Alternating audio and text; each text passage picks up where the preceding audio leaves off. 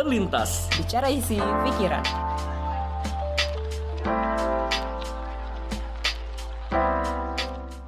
Halo, selamat datang di podcast Terlintas.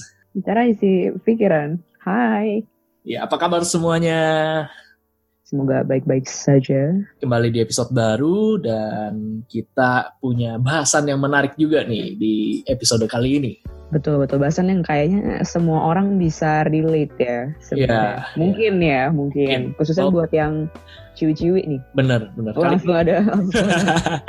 ya, walaupun emang ini temanya lebih segmented, seperti Sarah jelasin, mungkin bakal lebih bahas tentang eh, cewek atau wanita, tapi ini jadi informasi menarik juga buat yang sebenarnya pria mendengarkan biar kurang lebih paham gitu loh. Oh, kurang lebih ini sisi dari eh, kaum hawa. Walaupun nanti Tuh, kan banyak kan. eh, eh, mungkin Iya, nanti di next kan episode nanti kita juga bahas yang kaum Adam ya nanti. Iya, Nanti. boleh, boleh, boleh, boleh. Kan katanya konon memahami wanita tuh lebih dari 24 SKS ya katanya. Wah, nah, ini bisa 24 jadi SKS, Nah, ini- satu Iya, semester nah, ini sendiri tuh. Iya, betul. Nah, ini bisa lah satu SKS lah atau ya banyak lah yang bisa dipelajari. Iya, nah yang menariknya adalah emang apa yang mau dibahas sih tentang. Iya, emang kita tadi dijelaskan kita mau bahasnya tentang kali ini tentang dunia wanita. Khususnya ada dua tema menarik yang akan mau kita bahas kali ini. Ya, Bukan dua topik lah, menjadi satu tema. Eh, satu tema tapi dua topik. Ya. Satu tema tapi dua topik ya, satu tema tapi dua topik. Yang bernama topiknya Cinta dan timbangan. Wah, ini langsung Nah. inget film. cinta dan timbangan. Iya, ini emang jadi dua dua sebenarnya ada ada ada tiga sih yang yang jadi banyak bahasan eh, usia apalagi usia 20-an. Sebenarnya ini nggak hanya cewek Hmm. juga tapi cowok juga sama ada tapi tiga hal ini eh, kita kupasnya dari sisi wanita dari sisi wanita da- dahulu. Hmm. Pertama itu adalah soal berelasi gitu, berhubungan, berpasangan. Itu biasanya usia 20-an kan udah mulai mikir tuh kan misalkan ya pacaran, lalu mau persiapan menikah dan sebagainya. Lalu kedua itu adalah eh, kesehatan, kesehatan tapi menurutnya menurut gue nih kesehatannya luas. Kesehatan itu baik secara eh, jasmani, rohani itu luas banget dan ini termasuk sampai ke sehat jasmani itu lebih juga tuh juga kecantikan Tampilan luar juga tampilan, berarti nah, ya. menjaga tubuh dan sebagainya. Nah, yang terakhir tuh emang ada misalkan tentang karir, keuangan dan sebagainya. Tapi kita yang mau fokus di sini adalah dua yang teratas tadi. Makanya namanya temanya Hmm. cinta dan timbangan. Dan kali ini kita akan ngobrol tentang hal itu. Gitu. Nanti eh, kita akan ngobrol ini dengan dalam dan seru dan tentunya kali ini kita nggak hanya berdua aja. Tuh, jadi Udah berapa episode kali ini nggak sendiri kita. Iya. Sisi wanitanya bukan dari saya doang, tapi ada satu nih partner kita nih yang hari ini datang. Dia seorang yang profesinya kurang lebih sama sebenarnya kayak saya, seorang graphic designer sama healthy diet consultant. Ini kita langsung aja kali ya, kita sapa Iya. aja nih. Halo. Halo. Halo, Yelisa. halo, halo, halo, halo, Randy Boleh nih, dan uh, Sarah. Iya. Apa kabarnya Mel? Luar biasa baik banget. Ini bukan karena uh, formalitas ya, tapi karena emang em so blessed gitu. Maksudnya benar-benar terberkati banget dan emang lagi keadaan baik. Gitu. Ya, walaupun di Jadi tengah bukan kayak pandemi tetap Jawaban masih formalitas gitu. Iya, tetap walaupun tengah pandemi kalau orang bilang eh, keadaannya masih baik, berarti itu emang bener-bener baik tuh berarti.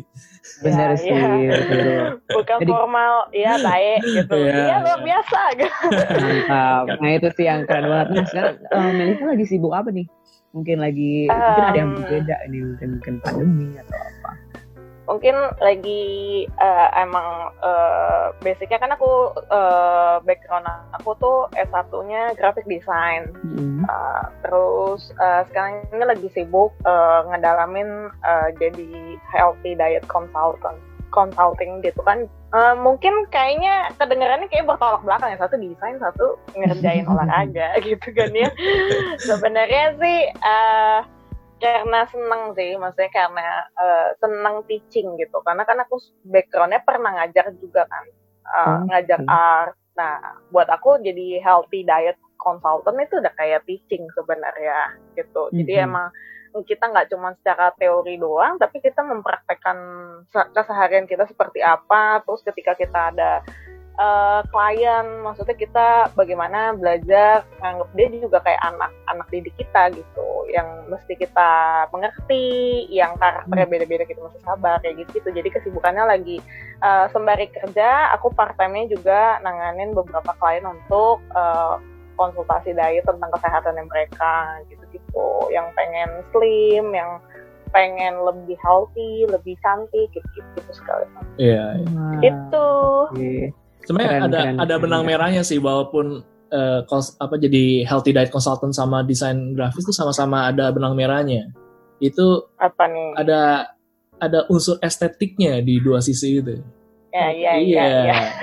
desain ada seninya menjaga tubuh mm -hmm. itu juga ada seninya ada gitu. seninya mm -hmm. nah, uh, cuman ini yang yang yang menarik nih pasti teman-teman juga mm -hmm. bertanya lalu uh, mungkin kalau dari sisi tim apa dari tema cinta cinta dan timbangan timbangannya ngerti lah. Uh, Mel juga uh -huh. seorang healthy uh, diet consultant. Tapi mungkin ada bertanya juga lalu uh, apa kira-kira kaitannya dengan uh, cintanya gitu dengan relasinya? Nah jadi teman-teman uh, ini sih sekedar info juga sih buat teman-teman semua. Jadi Melisa ini termasuk aktif juga sebenarnya di sosial media tuh bersuara. Bersuara itu menyuarakan pendapatnya, lalu beropini, lalu juga memaparkan hal-hal uh, sebenarnya kayak current issue lah terkait dengan misalkan itu juga relasi, uh, finance juga sebenarnya Mel juga suka bahas kadang-kadang, lalu juga sama tentang itu tadi uh, kesehatan, yaitu ya bagaimana untuk tetap fit, uh, tubuh ideal, lalu juga tetap tampil cantik dan dan dan baik. Nah itu semua Mel bahas. Jadi kita melihat wah ini Mel jadi bisa banyak memberikan informasi menarik buat kita dan itu yang menjadi hmm. alasan kita mengajak Mel di sini. Nah cuman yeah. gua, gua, gua udah mulai bertanya nih gua nih. Mel, apa sih hmm. akhirnya yang membuat Mel akhirnya menjadi concern dan cukup uh, bahkan menurut gue ya Mel ini cukup vokal untuk menyuarakan tentang ya misalkan berelasi yang baik lalu juga hmm. soal uh, healthy diet yang emang berujung pada tubuh yang sehat dan juga uh, mampu tampil cantik di di cantiknya bukan ya ini ya maksudnya tampil terbaik dari diri kamu uh, dengan apa adanya di saat bersamaan gitu apa yang membuat Mel concern pada hal-hal tersebut apa ya, sehingga sering menyuarakan hal tersebut lah di sosial media. Uh, ini sebenarnya uh, personal banget sih, tapi buat uh, teman-teman terlintas ya aku udah anggap kayak family dan di sini maksudnya kita saling terbuka aja gitu. Jadi hmm. uh, ya semoga maksudnya cerita ini ya aku sharing gitu, bukan aku uh, as narasumber atau gimana, tapi karena aku menganggap kalian udah kayak seperti sahabat aku gitu, keluarga aku. Jadi Uh, kalau ditanya kenapa vokal banget ngomongin soal cinta gitu kan, finansial hmm. dan ke cantikan gitu. Maksudnya sebenarnya itu semuanya saling berkaitan gitu. Menurut aku pribadi gitu. Maksudnya kayak uh, aku sendiri bukan orang dengan tipikal perjalanan cinta yang mulus-mulus aja gitu.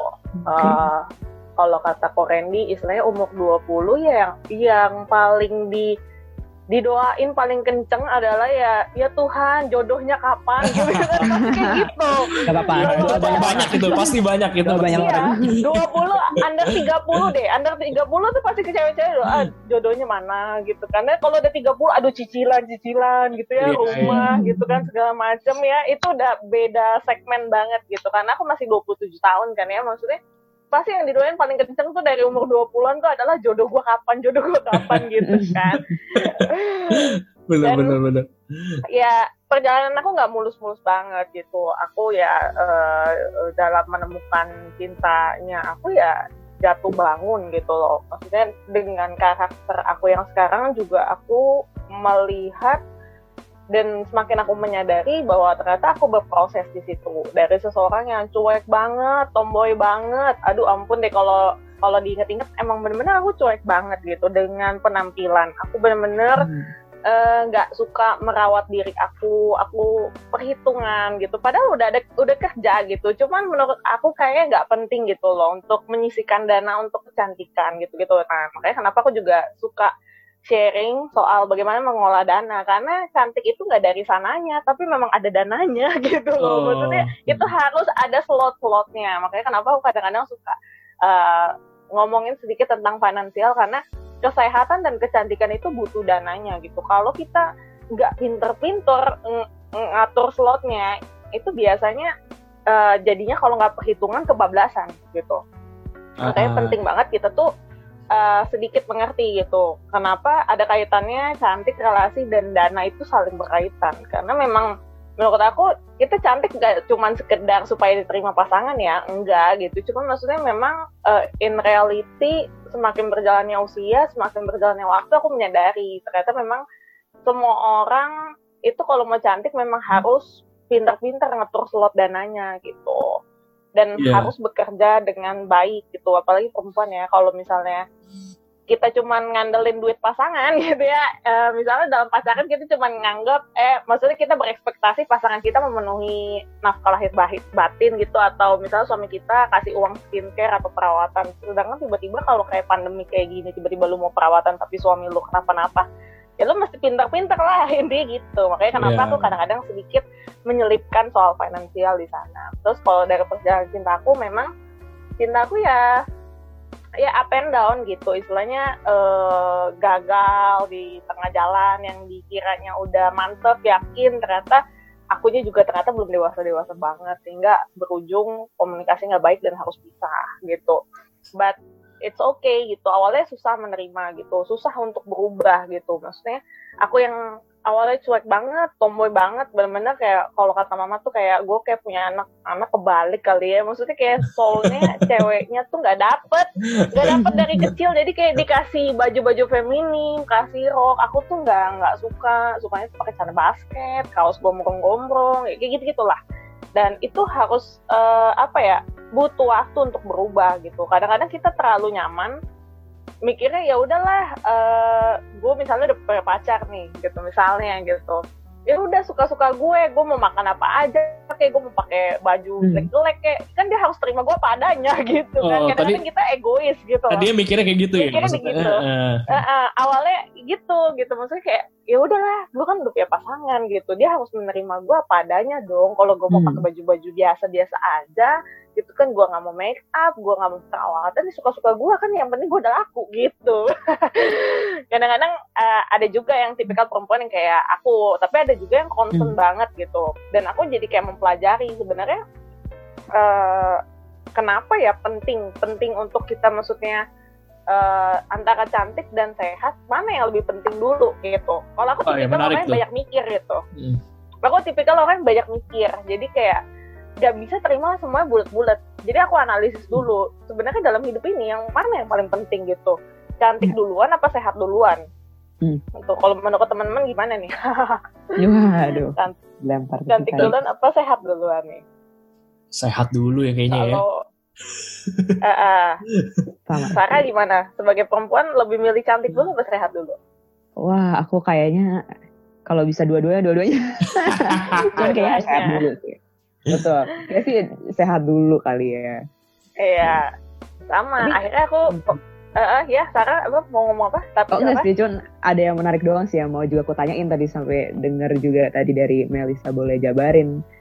Eh, ini sih kan tadi sebenarnya banyak juga nih. Tadi eh, Melisa sempat mention soal proses ya, maksudnya ada kayak transformasi, ada perubahan dan tadi ada kayak Mm-mm. maksudnya nggak bisa kita pisahin gitu antara kayak em, cinta, antara juga keuangan, juga em, soal penampilan. Nah kalau misalkan dari Mel sendiri ini dari pengalaman Melisa, se- kan kalau ada biasanya kalau ada perubahan itu ada pelajaran yang kita dapat ketika kita misalkan ngelakuin kesalahan atau kecenderungan yang kayak kayaknya nggak oke. Mm-mm. Nah kalau misalkan dari menurut Melisa, ada nggak sih kecenderungan atau kayak kecenderungan yang salah buat cewek-cewek nih khususnya tuh saat ngejalanin hubungannya justru di mana yang hubungannya ini kan tadi Mel boleh bilang eh, relate juga nih sama yang penampilan, sama yang soal karir dan sebagainya macam. Nah itu ada nggak kira-kira kecenderungan yang mungkin tuh bisa Titik- bikin aku titik juga balik ya? gitu.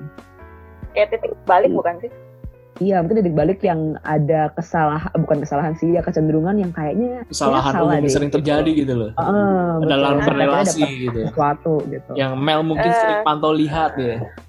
Nah, sebenarnya ya pelajaran terbaik ya pengalaman sendiri sih. Misalnya uh, kalau di aku kenapa memutuskan berubah gitu. Uh, karena aku mengamati biasanya sih karena pengalaman misalnya patah hati. Patah hati itu kayak pembelajaran paling paling paling ini sih paling berharga lah bukan paling sadis gitu aku nggak bilang patah hati hmm. itu selalu konotasinya jelek gitu hmm. uh, itu pendewasaan lagi menurut aku gitu ketika kita berelasi ketika kita mengalami patah hati gitu atau cinta yang nggak kesampaian gitu misalnya gitu. Kita hmm. pasti belajar sesuatu dari sana gitu. Nah kalau aku pribadi ya memang uh, kebanyakan aku berubah karena perjalanan aku patah hati sih, mostly gitu. Uh, dan buat aku itu memang menyakitkan awalnya dan butuh waktu untuk memproses. Karena kan aku orang introvert terus aku orangnya melankolis buat aku tuh memproses perasaan sedih itu lama sekali. Sampai aku kayak menemukan oke okay, gitu kenapa kalau sedih? Jadi harus bertanya gitu ke diri sendiri uh, udah cukup nangisnya gitu kenapa? Gitu. Kalau misalnya patah hati dia tidak tidak lagi sejalan eh sudah mau sampai kapan kayak begini? Pasti harus bertanya gitu kan. Terus what next? Gitu. Nextnya mau ngapain? Gitu. Udah nangis kan maksudnya hubungannya juga udah berakhir kan gitu kan. Maksudnya udah ngerasain kan uh, sakit hati kan. Nah mulai tuh di list oh kayaknya kira-kira kayaknya aku kurang ini deh. Maksudnya kayak ke diri aku. Jadi aku tidak menaruh kayaknya harusnya kan dia begini sama aku gitu gitu gitu. Jadi aku tidak mau menaruh ekspektasi aku ke dia tapi aku introspeksi lagi. Hmm. oh kalau aku jadi misalnya aku punya pasangan sebenarnya pasangan aku tuh ngarepin aku tuh kayak gimana sih gitu. Okay. orang yang gimana gitu. Misalnya kalau belajar dari pengalaman kemarin uh, terakhir aku berrelasi sama seseorang gitu aku tidak mau menyebutkan nama.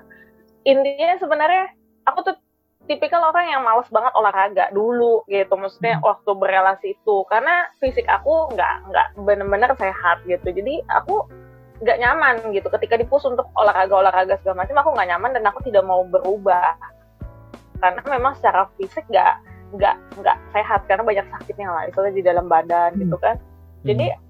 Ketika pasangan ngepus aku suruh olahraga dia kan pasti berekspektasi sebenarnya gue pengen lu sehat gue pengen lu uh, bisa ngerawat diri sendiri gitu. Tapi gue tidak bisa melakukan itu gitu. Tapi satu sisi kalau gue punya pasangan gue juga pasti pengen sebenarnya punya pasangan yang sehat dong. Yeah, iya. lah aku bilang maksudnya hmm. gue pengen juga dong maksudnya lu sehat gitu. Tapi gue menuntut terlalu banyak untuk ekspektasinya dia duluan dong ya dia udah kasih contoh nih tapi giliran dia nuntut balik ke gue gue nggak bisa gitu. Gue alasannya hmm. banyak gitu a i w o gitu kan. Jadi intinya akhirnya kesehatan itu jadi kayak maksudnya kayak saling tuntut-tuntutan gitu. Kayak nggak ada lu nggak dari hati lu sendiri lu pengen sehat gitu. Menurut gue sih pembelajaran berharganya akhirnya ketika gue udah selesai udah putus gue evaluasi nih oh, sebenarnya gue olahraga bukan karena siapa-siapa ya. Harusnya bukan karena dido harus didorong siapa-siapa gitu. Tapi hmm. lu pengen sehat kan? Ya udah hmm. lu lakuin lu berubah. Gue kan awalnya males olahraga. Gue hmm. males diet gue males olahraga. Ya udah nggak ada siapa-siapa yang nyuruh tapi da kedal dari kedalaman hati tuh menyadari sebenarnya uh, akhirnya ketika putus itu ya udah gue jadi mikir dong. Maksudnya gue pengen pengen lebih sehat dong gitu uh, ya juga ya kalau terus-terusan didorong tuh kayak dorong mobil mogok sedangkan gue kagak mau jalan gitu kan hmm, ya kayak gitu itu salah satu kayak bukan penyebab bener-bener intinya kenapa putus sih cuma maksudnya kenapa sering berantem gitu yeah. dalam relasi kayak hmm. kayak pasangan mintanya olahraga gue nyerah gak mau olahraga gitu kan segala macam nah, yeah. sebenarnya itu tuh yang menarik tuh uh, hmm. maksudnya kalau melihat ini secara umum ya uh, mungkin yang melihat di, di pasangan-pasangan lain juga. Sebenarnya kalau di usia-usia saat ini yang orang sedang berelasi jadi itu sebenarnya uh kekeliruan umumnya tuh apa tuh yang mungkin banyak terjadi tapi khususnya ini Betul. dalam dalam kali ini yang kita da, dari sudut pandang uh, wanitanya gitu. Ada kecenderungan apa sih kekeliruan yang sedang dilakukan sama cewek yang mungkin nih ya uh, Mel bisa share orang jadi lebih aware gitu. Ini loh yang sebenarnya mesti dihindarin gitu. Betul betul ya itu terlalu banyak berekspektasi sih. Berekspektasi Maksudnya kita berekspektasi ke orang lain gitu loh. Tapi nggak mau nuntut diri sendiri tuh untuk jadi yang terbaik gitu. Hmm. misalnya kita berharap pengen punya pasangan yang paling rohani lah ya. Kita berharap nih uh, sebagai cewek nih pasti suka berharap nih. Ah gue semoga dapat laki-laki tuh kayak calon imam banget deh yang bisa ngayomin yang saat teduhnya kenceng yang cinta Tuhan yang apalah punya hati yang baik tapi lu sendiri nggak meningkatkan kualitas diri lu gitu loh maksudnya kayak lu malah saat teduh diajak pelayanan lu alasannya banyak banget giliran uh, misalnya malam minggu misalnya anggap kita udah balik ke normal ya yeah. Iya. uh, hmm. misalnya lagi di gereja gitu untuk nemenin pasangan lu pelayanan aja lu kadang-kadang hitung-hitungan gitu. Bisa marah-marah aduh harusnya kan kita dating gitu kan. Ekspektasinya terlalu banyak gitu. Lu pengen hmm. pasangan lu begini-begini-begini tapi diri lu nggak mau dipus untuk berproses untuk jadi yang terbaik. Nah itu sih sebenarnya yang perempuan kadang-kadang ekspektasinya jangan eh nggak cuman perempuan sih laki-laki juga gitu. Misalnya pengen pasangannya cakep gitu. Hmm. pengen pasangannya sehat gitu tapi giliran uh, apa uh, istilahnya ngajakin makan sehat perhitungan ah jangan makan sehat mahal gitu misalnya kan. Karena di Indonesia makanan sehat itu iya, mahal gitu kan benar-benar mahal makanan sehat di restoran tuh yang istilahnya salad doang bisa lima puluh ribu delapan puluh ribu sedangkan gue di warteg bisa makan makan melimpah gitu kan. Ya kadang-kadang kan jadi nggak match gitu ekspektasinya saling saling nggak match gitu. Uh, misalnya diajak olahraga males apa gimana mm-hmm. gitu kan. Yang tadi itu awalnya. Menurut aku sih karena masalah ekspektasi sih. Biasanya orang uh, cenderung ya komunikasi dalam hubungan itu jadi renggang ketika dia menaruh ekspektasinya terlalu tinggi sama pasangan jadinya nggak ketemu nih standarnya nggak ketemu di tengah gitu nah harusnya kan hmm. nurunin uh, ekspektasinya nurunin egonya kita sama-sama ketemu di tengah gitu biar biar enak gitu jadi ada perasaan apa ketika ngejalin relasi tuh berdua gitu loh berdua hmm. ketemu di tengah tuh gimana gitu itu sih yang aku lihat ekspektasi misalnya soal penerimaan diri. Kadang-kadang cewek dideketin cowok gitu. Misalnya nih yang jomblo-jomblo, single-single ya. Terlalu banyak mikirnya gitu loh. Kayak susah move on gitu. Bukan mikir soal mantan pacarnya doang ya. Maksudnya move on dalam artian banyak misalnya mengalami kegagalan. Kayak aku misalnya, ya jujur aja gitu. Maksudnya ketika mengalami banyak kegagalan pasti jadi lebih mikir kalau cewek ya. Maksudnya ini deketin gue cuman buat main-main apa cuma buat bercanda? Kalau cuma buat bercanda eh, nggak uh, nggak akan gue mau ladenin. Pasti gitu kayak kita udah self defense duluan. Daripada gue terluka lagi mendingan gue uh, defense hmm. dulu. Kalau gue tipikalnya begitu. Tapi ada mungkin perempuan yang kayak ya udahlah move on aja gitu. Mungkin ada yang tetap gitu. Tapi kadang-kadang cewek itu mostly kalau aku perhatiin pasti ke, kenapa ya susah move on ya? Misalnya kenapa susah move on dari kita deketin suka mikirnya tuh yang yang nggak penting nggak penting menurut aku. Kayak nggak bukan nggak penting sih. Ya kayak uh, misalnya mau diajakin nikah nih tapi pikirannya gue nggak bisa masak gitu kan. Misalnya aduh gue nggak bisa ngurus rumah. Aduh nanti dia terima aku apa adanya nggak ya? Gue nggak bisa masak loh gini gini gini gini. Insecure ya ada padahal, insecure ya. Wah, padahal cowok mbak ya gue suka sama lo bukan karena lo bisa masak apa nggak bisa masak sih. Maksudnya ada cowok yang mungkin uh, rempong dalam artian yang kayak begitu begitu ya. Tapi kan ada sekarang juga cowok yang tipikal yang simple aja lah gitu. Maksudnya gue juga hmm. nggak nggak ngeliat masa lalu lo. Sorry hmm. to say kayak misalnya cewek-cewek mungkin yang udah udah nggak virgin lagi. Kadang-kadang kan suka insecure kalau mereka curhat gitu. Misalnya ngobrol jadi temen curhat gitu. Ya uh, kadang-kadang kepikiran sih dia benar-benar terima apa enggak gitu. Ya kalau dari sisi aku sih selama lu terbuka maksudnya lu tidak membohongi pasangan. Jangan sampai lu hmm. membohongi pasangan gitu loh. Maksudnya hmm. uh, memang itu personal banget. Tapi kalau misalnya pasangan udah ngajakin bener-bener atau ngedeketinnya serius gitu. Better itu diomongin sih misalnya ada sakit apa atau emang pernah ada hmm. masa lalunya apa. Sehingga orang tuh nggak merasa dibohongi banget dari awal. Kalau aku sih prinsipnya gitu. Jadi misalnya sekarang udah ada cowok misalnya ngedeketin misalnya. Aku akan jujur gitu masa lalu aku tuh gimana. Walaupun itu eh, nggak uh, enak. Tapi maksudnya hmm. ya kita akan melihat gitu. Maksudnya kayak dia bisa nerima apa enggak gitu. Kalau nggak bisa terima ya ya udah nggak usah dipaksa. At least kita tidak membohongi orang. Kalau aku sih prinsipnya gitu jangan pernah ngebohongin uh, calon pasangan kita atau pasangan kita gitu. Kayak dia beli kucing dalam karung ternyata lu punya begini begini begini background masa lalunya tapi nggak pernah lu mau buka nggak pernah lu mau cerita sampai udah nikah baru ketahuan. Nah itu kayak lu ngebohongin pasangan lu sih kalau oke okay. berarti kayak itu beberapa hal yang kayak yang mesti kita hindari nih ya buat Iya, yang mesti ya. dihindarin. Kuncinya keterbukaan juga penting ya berarti ya. Iya hmm, sih. Ketika betul, dalam menjalin, menjalin relasi, jadi ekspektasi keterbukaan itu yang mesti kita belajar Hmm. sih gitu. Nah kalau kita udah tahu nih, misalkan buat kita yang dengar, oh berarti ada kesalahan-kesalahan yang bisa kita refleksiin. Nah kalau misalkan step berikutnya nih, menurut saya juga nih, kalau menurut Melisa gimana sih kita bisa tahu atau menilai tuh hubungan yang baik itu kayak gimana sih sebenarnya? Definisinya gitu atau kayak pandangan ya, oke tuh yang seperti apa gitu. Ya hubungan yang baik sebenarnya ya komunikasi. Intinya Ah, oke. komunikasinya lancar. Karena sampai tua, Hmm. sampai eh, istilahnya komunikasi itu kan kayak kunci ya.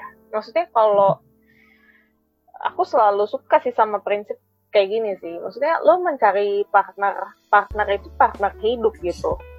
Bukan cari pembantu, bukan cari bank. Maksudnya kalau dari sisi cewek mungkin kan cari yang yang kaya, yang bisa kasih rasa secure, gitu-gitu segala macam yang udah mapan gitu-gitu. Bukan. Maksudnya bukan bukan begitu. Dan kadang-kadang kan ad- masih ada mindset kalau cowok pengennya nyari cewek yang bisa ngerjain urusan rumah tangga pokoknya tahunnya beres gitu. Ya kita menikah tuh kayak cari partner gitu partner untuk hidup gitu loh. Bukan nyari apa benefitnya sama dia gitu loh Eh, jadi menurut aku tuh kayak kalau lu cari partner perjalanan traveling aja lu begitu konsen gitu misalnya lu di sekamarin sama misalnya gue sekamar sama si Saka nih karena sama-sama perempuan Hmm. gue kan pasti kayak akan ya istilahnya kalau kita misalnya tahu si Sarah kan lebih enak. Oh iya si Sarah tuh orangnya rapi orangnya bersih orangnya rajin gitu kan. Dibanding gue misalnya dipasangin satu kamar sama orang yang bener-bener gue nggak kenal gitu loh. Hmm. yang ternyata dia amburadul ngaret mulu. Lu pasti bete eh, nikmat nggak nikmatin perjalanan hidup lu gitu. Misalnya traveling lu jadi berantakan nih gara nih orang nih Hmm. kita nggak kenal gitu nah untuk partner traveling aja kita segitu mikirin loh. Nih orang gimana nih karakternya enak gak diajak jalan gitu kan apalagi untuk cari partner hidup harusnya kita lebih mikir tuh kayak oh gue gue kalau jalan sama nih orang ini hidup gue bakal bakal maksudnya ketika ada masalah nih orang bisa diajakin ngomong gak sih? Gitu komunikasinya jalan apa? Hmm. Enggak gitu Nah, itu menarik gitu. tuh, ya komunikasi sebenarnya Nah itu menarik tuh Mel. Jadi gue. salah satu kuncinya adalah Ah. ketika kita mau menilai nih hubungan yang kita jalanin di baik atau enggak adalah komunikasi. Katakanlah seperti ini. Eh, katakanlah komunikasi baik nih. Lalu eh, ada nggak indikator lain yang akhirnya Mm-mm. menentukan gitu bahwa katakanlah komunikasinya lancar. Kalau misal komunikasinya Mhm. lancar, apakah justru Mm-mm. kita ada tahapan selanjutnya setelah komunikasi lancar itu? Jadi ada assessment lanjutnya gitu. Misalkan contoh, oh ternyata dia begini begini begini gitu. Hmm. Lalu kita masih menilai, hey eh, hey girls, hey boys nih, ini loh, lo, kalau lu selanjutnya tahapan selanjutnya udah selesai nih dari komunikasi, ini yang mesti lu perhatiin lagi gitu. Jadi lu eh, Eh, nilai nih, ini hubungan yang komunikasi sehat, ya. yang baik gitu. Setelah komunikasi ya itu kok apa kayak keterbukaan. Kalau yang aku perhatiin ya relasi-relasi yang sehat tuh ngomongin komunikasi keterbukaan dan maksudnya penerimaan. Balik lagi maksudnya penerimaan tuh menerima masa lalu si cewek atau si cowoknya gitu. Maksudnya ketika eh, ketika gue mungkin mungkin punya sakit tertentu atau gue mungkin punya masa lalu yang nggak enak gitu. Misalnya pernah ngalamin apa gitu kan pernah eh, udah nggak virgin lagi karena ada masa lalu di keluarga atau pernah ngalamin apa sehingga akhirnya ngalamin kayak gitu buat cewek itu traumatik banget. Buat cowok mungkin ah, itu bukan something yang traumatik gitu tapi buat cewek itu traumatik banget gitu. Jadi kalau menilai hubungan sehat apa enggak tuh ya selain komunikasinya lancar ada keterbukaan dan penerimaan serta Ya.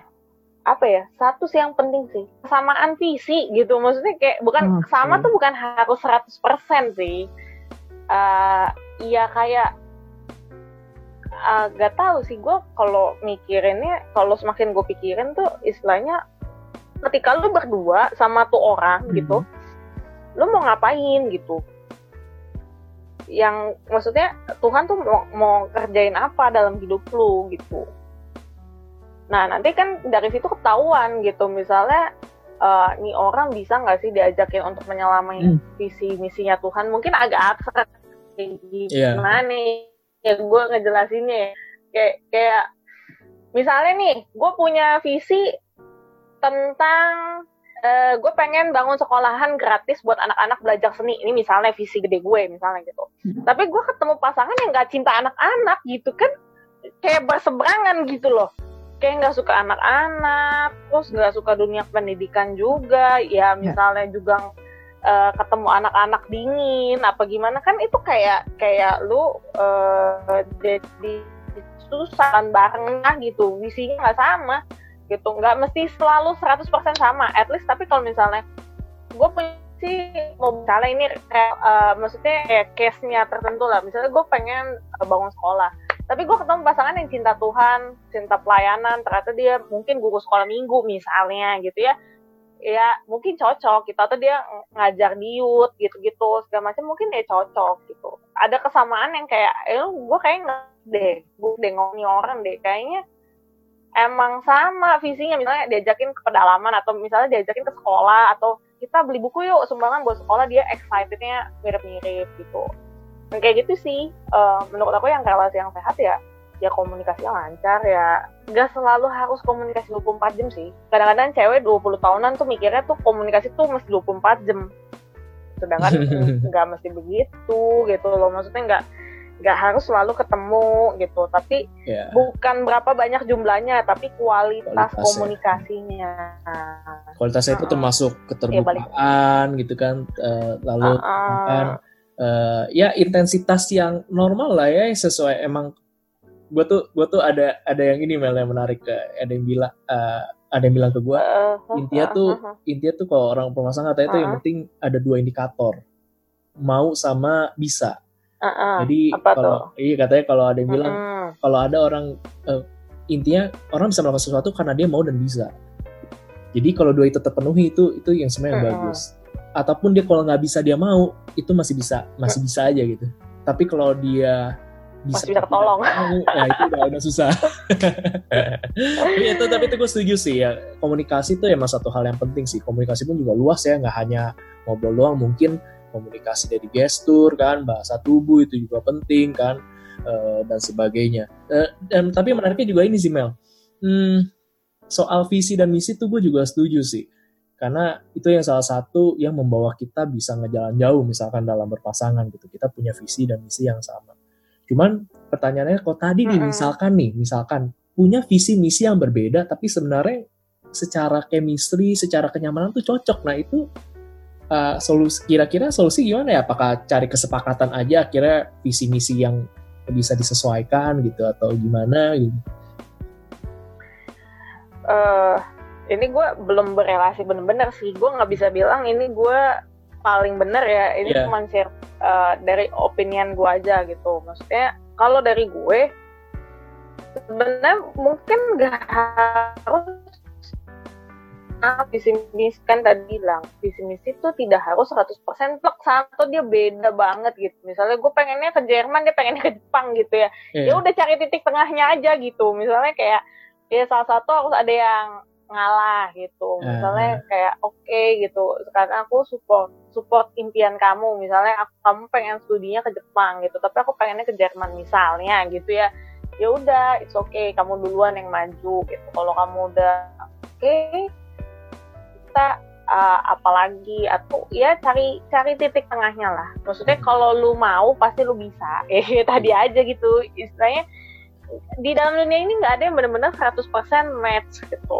Hmm. ya kita bisa lihat lah orang tua kita gitu yang mungkin kelihatannya berjodoh banget misalnya atau ya kelihatannya kayak misterinya dapet banget gitu. Tetap aja gitu menurut aku nggak ada yang 100% tuh sama semuanya sama-sama plek. Nah itu seninya gitu. Maksudnya ya seni untuk mengerti satu sama lain gitu-gitu. Karena kalau bicara soal cinta dan relasi, ya lu mesti dewasa sih intinya. Hmm. Gak bisa tentang lu doang gitu. Kembali komunikasi punya peran ada, penting. Ada, ada yang lain. Uh -uh, makanya komunikasinya mesti jalan. Yeah. Sampai tua juga itu komunikasi gitu loh. Maksudnya sama pasangan. Kalau anak udah gede, banyak kan orang mikirnya kan, oh kalau udah punya anak istri akan konsentrasinya tuh ke anak sepenuhnya sayang sepenuhnya sama anak anak itu punya jalannya sendiri-sendiri kok yeah. gitu one day ketika mereka udah dewasa lu balik lagi sama suami lu jadi yang sebenarnya harus komunikasinya kenceng itu sebenarnya sama pasangan gitu yeah. nggak nggak tiba-tiba lu punya anak lu fokusnya ke anak doang. Suami nggak dilayanin suami tuh nggak diperhatiin gitu-gitu. Iya, benar. yang aku perhatiin gitu. Maksudnya itu ketakutan-ketakutan suami juga ketika punya anak tuh salah satunya itu. Gak dapet perhatian. istri tuh kayak iya istri tuh konsentrasi ke anak semua. Anak sakit kayak pikiran terus giliran sa- suami sakit ya masa bodoh gitu. Gitu kan lu udah gede gitu kan Iya. mikirnya. Ya, padahal harusnya komunikasinya jalan Oke, oke Mel. Ini ada satu pertanyaan terakhir Hmm. terkait dengan topik kita tentang cinta nih. Ah, ah. Apa tips atau mungkin saran dari Mel untuk Mm-mm. orang bisa move on? Move on ini eh, dalam arti kata bukannya soal putus cinta aja ya, tapi di sini lebih Iya, iya. lebih lebih ke let it go, melepas. Maksudnya kayak gini tadi kayak Mel bilang, kita tadi sempat bilang misalkan tahu ada hubungan yang kurang baik. Kita tahu misalnya ada pasangan yang kurang baik. Mm-mm. Seringkali masalahnya tuh adalah orang nggak mau melepas gitu. Eh, telanjur Hmm. sayang, gue udah lama jalan sama dia. Padahal tahu sebenarnya mungkin nih ketika lanjut ke depan eh, nggak nggak nggak akan berjalan dengan baik gitu. Menurut Mel, Hmm. apa sih saran buat mereka? Tipsnya apa sih buat orang berani untuk move on, let it go gitu. Baik hubungan yang dirasa udah emang tidak baik, ataupun emang ketika udah putus ya ya udah, you, you just move on. Gitu. Lepasin. Hmm. enam huruf sih Apa itu nomor? susah dijalanin enam huruf ikhlas ikhlas Ternyata enam huruf ya. enam huruf Solusinya ada enam huruf. ikhlas ikhlas karena apa ya move on itu kan tentang lu mau apa enggak intinya gitu Hmm. Pasti susah dan berat gitu. Nggak nggak semua orang nyemeng aja lu mel gampang gitu kan. Maksudnya ngomong ikhlas gitu kan. Gue juga ngalamin hal yang sama gitu berkali-kali patah hati dan berkali-kali juga bolak-balik ke psikolog untuk untuk konseling gitu loh. Maksudnya kayak untuk mengolah perasaan. Karena balik lagi gue gue mengerti maksudnya gue tipikal orang yang introvert dan melankolis gitu. Gue butuh seseorang yang uh, maksudnya bisa lebih lebih bantuin gue untuk keluar dari perasaan galau gue nggak kelamaan gitu maksudnya Hmm. biar gue nggak nggak galau kelamaan Ya. ketika gue konseling gitu itu bagian yang selalu menitikkan air mata buat gue gitu dan mungkin Hmm. karena gue udah patah hatinya di atas dua- 25 26 lah ya waktu itu gue lupa gitu kapan pastinya jadi gue ketika menangis gue udah nggak menuliskannya lagi gitu ke media sosial perasaan-perasaan sedih gue bukan gue tidak mau tidak mau menunjukkan di media sosial gitu. Tapi eh, gue cuman mau orang-orang yang baca pesan gue adalah bukan pesan kebencian gitu atau pesan kegalauan yang kayak gue kecewa banget gitu. Oke gue gue mengerti setiap orang punya patah hati dan pasti punya kecewa-kecewanya masing-masing gitu. Tapi gue nggak mau itu share ke open to public yang kayak orang tuh jadi kayak jadi membenci pasangan ah, mantan pasangan gue atau membenci atau menilai gue kayaknya tuh overacting atau baper eh, pansos gitu. Gue tuh gue nggak mau gitu. Buat Iya. gue hmm, buat gue ya di sinilah maksudnya ketika lu mau move on tuh lu pembelajaran buat diri lu sendiri. Lu Hmm. harus dewasa sekali lagi. Lu harus ikhlas sekali lagi. Ada hal yang kadang-kadang emang gak sesuai ekspektasi kita. Ya udah gitu. Maksudnya lu belajar ikhlas di situ. Belajar maksudnya daripada lu tahanin misalnya kadang-kadang kan orang mikir aduh gua udah kepala udah mau kepala tiga loh misalnya gitu ya. Misalnya kayak cewek-cewek gitu. Gue udah lama sama nih orang dan gue udah mau kepala tiga gitu. Tapi sebenarnya ngerasa eh, sering ribut eh, terus emang kayak dikomunikasiin berkali-kali nggak bisa nggak bisa benar nih nih hubungan gitu emang udah toxic banget misalnya gitu atau misalnya emang udah kelihatan lah ujungnya kayaknya nggak nggak bisa sama nih orang gitu tapi kita maksa karena masalah umur masalah udah dikejar-kejar waktu padahal lu nggak bahagia atau pasangannya nggak bahagia gitu Lu- mungkin lu bahagia tapi pasangan lu nggak bahagia gitu Nah itu Kelihatan menarik juga banget tuh. lu egois lu kelihatan lu egois tuh ketika gue mutusin ini gue ngembuka pasangan gue terakhir relasi dengan pasangan gue. Sebenarnya pasangan gue yang minta putus tapi gue yang kekeh minta tahan tahanin terus. Gue gitu maksudnya gue minta tahan gitu. Karena gue sayang banget gitu. Oke lah gue udah berapa kali pacaran gitu. Gue gue tipikal orang yang susah move on gitu. Tapi gue sayang banget sama pasangan gue yang terakhir gitu misalnya Eh, kalau gue bener-bener gak sayang ya udah. Oh ya udah lu minta putus ya udah. Putus aja gitu. Hmm. gue nggak nggak gue bukan tipikal orang yang gampang sekarang maksudnya untuk bilang putus ya putus gitu kan. Ya. tapi semakin gue jalanin semakin gue tahan semakin gue tahan gue lihat gitu loh. Itu mata nggak bisa bohong gitu loh. Pasangan lu tuh nggak bahagia sama lu gitu. Lu kayak maksa gitu. Lu bahagia lu kayak ngurung dia dan nahan dia untuk dia nggak bahagia sama lu. Jadi buat apa gitu? Itu kan kelihatan banget sebenarnya relasinya udah nggak sehat gitu. Setiap Iya. kali lu ketemu lu berantem. Setiap kali lu ketemu energi lu Hmm. abis keserap dengan ekspektasi lu lu berharap dia berubah. Ternyata dia emang udah nggak enjoy dan lu masih maksa gitu. Sebenarnya lu yang maksa lu yang yang egois gitu loh. Nahan-nahan orang gitu. Akhirnya eh, di perjalanan cinta gue yang terakhir ketika gue udah bubar gue belajar sih. Maksudnya ketika melepas gue bukan berarti nggak sayang sama lu gitu. Bahkan sampai detik-detik terakhir gue bilang oke kita bubar gue bilang gue bukan karena nggak sayang gitu ngelepas lu gitu. Tapi karena gue terlalu sayang sama lu dan gue nggak mau lu nggak bahagia sama gue ya udah gue setuju kita bubar aku bilang gitu. Gue bilang Berarti gitu maksudnya gue benar-benar kayak gue let it eh, ya udah lu pengen bahagia dengan jalan pilihan lu sendiri ya udah. Gue nggak akan tahan lu lama-lama di sini. Udah Kayaknya- kan tiga kayaknya- kali gue minta lu stay. Gue Heeh. bilang gitu. Kayaknya ada salah Kayak satu gitu sih. kunci penting yang gue tangkap dari cerita Mel adalah kedewasaan berpikir sih ya akhirnya. Maksudnya ke- eh, adanya kematangan rasional juga. Maksudnya melihat situasi yang benar-benar objektifnya itu seperti apa. Ketika emang menyadari oh ini Mm-mm. emang udah nggak bisa lagi gitu baik baik baik gue berdua ataupun dia ataupun gue sendiri udah nggak bahagia Mm-mm. udah kayaknya Mm-mm. susah ya ya udah gitu. Mendingan bijake ya kita eh, lepas gitu. Dan itu pun nggak apa-apa ya berarti Mel ya. Maksudnya it- itu oke gitu. Ya kalau emang udah keadaannya seperti itu ya lebih baik ya kita iya. ya lepas. Ikhlas lah ya dilepas. eh, ikhlas gitu. Ikhlas. karena mung- nanti gue mungkin kebaikannya bukan berdasarkan Eh, kebaikannya mungkin Ya, nggak sekarang emang kita rasain nanti ya. ini. Mm-mm. uh-uh, nanti jadi orang bilang ikhlas tuh nggak segampang lu nyemeng Mel enggak gue mempraktekkan gitu loh maksudnya itu bener-bener true story-nya gue gitu loh maksudnya Iya, gue melepas dia dengan tangisan kok. Kalau gue nggak nggak nggak sayang, ngapain gue nangis gitu dan ngapain gue ngomong kayak gitu, gitu. Maksudnya gue sampai bilang, gue ulang kalimat itu, Eh, ya kan bener sama lu dan gue nggak pernah lihat lu stres ngadepin gue, stres ngadepin hubungan ini. Gue tahu hubungan ini udah lama gitu dan gue udah tahu maksudnya hubungan ini tuh banyak orang yang ngarepin happy ending gitu, tapi kalau lu nggak bahagia buat apa? Gitu gue selalu bilang kayak gitu buat apa gitu. Guanya bahagia, tapi guanya nggak nggak rela gitu loh. Kalau ngeliat lu jalan sama gue, gitu. Itu Hmm. rasional sih harus eh, jadi cewek tuh harus tegas gitu loh. Maksudnya dari dari sisi lu maksudnya jangan cuma baper doang. Aduh udah terlalu Iya, iya. cinta, gue cinta, ibu Hmm, cinta. cinta lu tuh kasihan akhirnya ke pasangan lu atau ke diri lu sendiri gitu. Jadi Jadi rasional tuh juga gue. kunci ya tadi ya. Betul. Hmm. jadi jadi inget ini kelas apa jadi ingat perahu kertas gitu pas lagi ya, si siapa Reza Rahardian sama Maudi Maudi Ayundanya gitu kan eh si pas lagi mereka mau putus kan Maudi Ayundanya nggak mau putus kan si Rezanya ngomong gini nggak apa-apa kamu yang udah menemukan aku yang belum wah itu mirip berarti kayak gitu ya maksudnya ya Oh, gue aja lupa loh.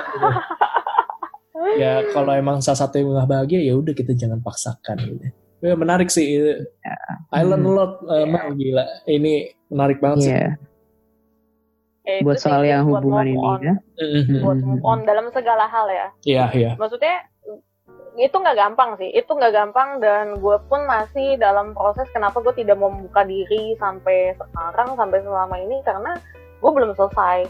Bahkan ada satu cowok yang deketin gue tuh sampai sampai bilang sebenarnya lu tuh simple harusnya gitu. Lo harus berpikir simple gitu. Tapi itu kan tentang perasaan ya. Gue selalu kayak denial sih. Gue gue masih baku gitu. Kan Hmm. gue bukan karena masih ada perasaan sayang apa gimana. Enggak gitu. Ini lebih arah gue harus menerima masa lalu gue dan segala hal yang pernah terjadi. Maksudnya kayak kegagalan-kegagalan yang gue terima kayak orang-orang mulai mencemooh juga kayak lu dong kapan merit? Gitu-gitu. Waduh ajlep gitu kan. Gue perasaan gue gitu. Lagian sih lu pemilih atau punya uh, udah berapa kali gonta-ganti pacar gitu kan dalam hati gue gue bukan sengaja nyari uh, gonta-ganti pacar atau bagaimana gitu. Ya udah yang terjadi ya terjadi gitu. Cuman Ya.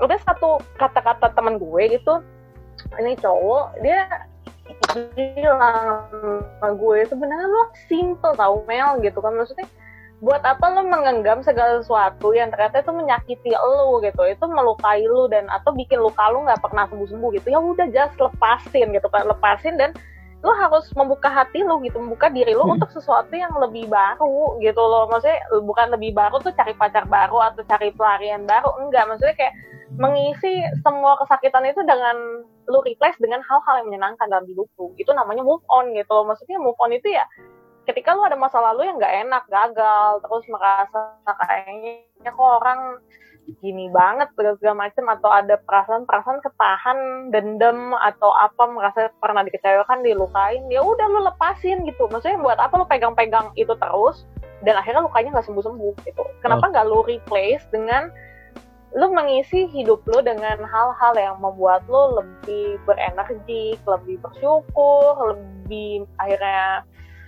akhirnya nggak nggak ini maksudnya kayak ya otak kita kan memprogram segala sesuatu hal yang pernah kita alami gitu. Hmm. Nah kita replace program itu kita restart lagi gitu loh dengan hal-hal yang lebih baik, lebih menyenangkan gitu. Iya. Jadi itu namanya kayak, move on iya. gitu. Ini agak-agak agak-agak tema kita waktu lalu sih sama Pak Budiman NLP ada programming juga di pemikiran kita nih menarik juga jadi kita bisa set kita biar bisa ya, itu. dengan baik ya ya gitu oh, oke lah ini banyak banget ya. Maksudnya banyak poin yang bisa di apply tentang hubungan nih ya khususnya di untuk yang sekarang yeah. ini ya sejauh ini. Cuman kita uh, mau ini juga nih kita akan mau nextnya. Kita mau mungkin bisa uh, lebih ke ini ya lebih ke soal kok tadi cintanya nih yang kalau tema kita nah ini kita mau juga lebih dalamin soal timbangan nih tanda kutip timbangan nih nah mungkin gitu. timbangan gitu. betul shifting topik ya akhirnya ya ya ya ya itu udah kayak Nah, cuman mungkin ya, iya itu oh, sebelum sebelum kita beralih, mungkin kita anggap ini jadi sesi satu dulu kali ya uh, untuk Betul. podcast kita kali yeah. ini, gitu. karena pembahasan kita panjang. Jadi untuk cinta dan timbangan part one-nya kita uh, akhiri di bagian pembahasan tentang relasi yaitu tentang cinta. Uh, untuk mendekat topik selanjutnya timbangan kita lanjut ke episode yang selanjutnya. Gitu. Teman-teman tunggu. Jadi teman-teman jangan langsung ditinggalin nanti tunggu aja episode ada part 2 nya untuk ngebahas tentang timbangannya.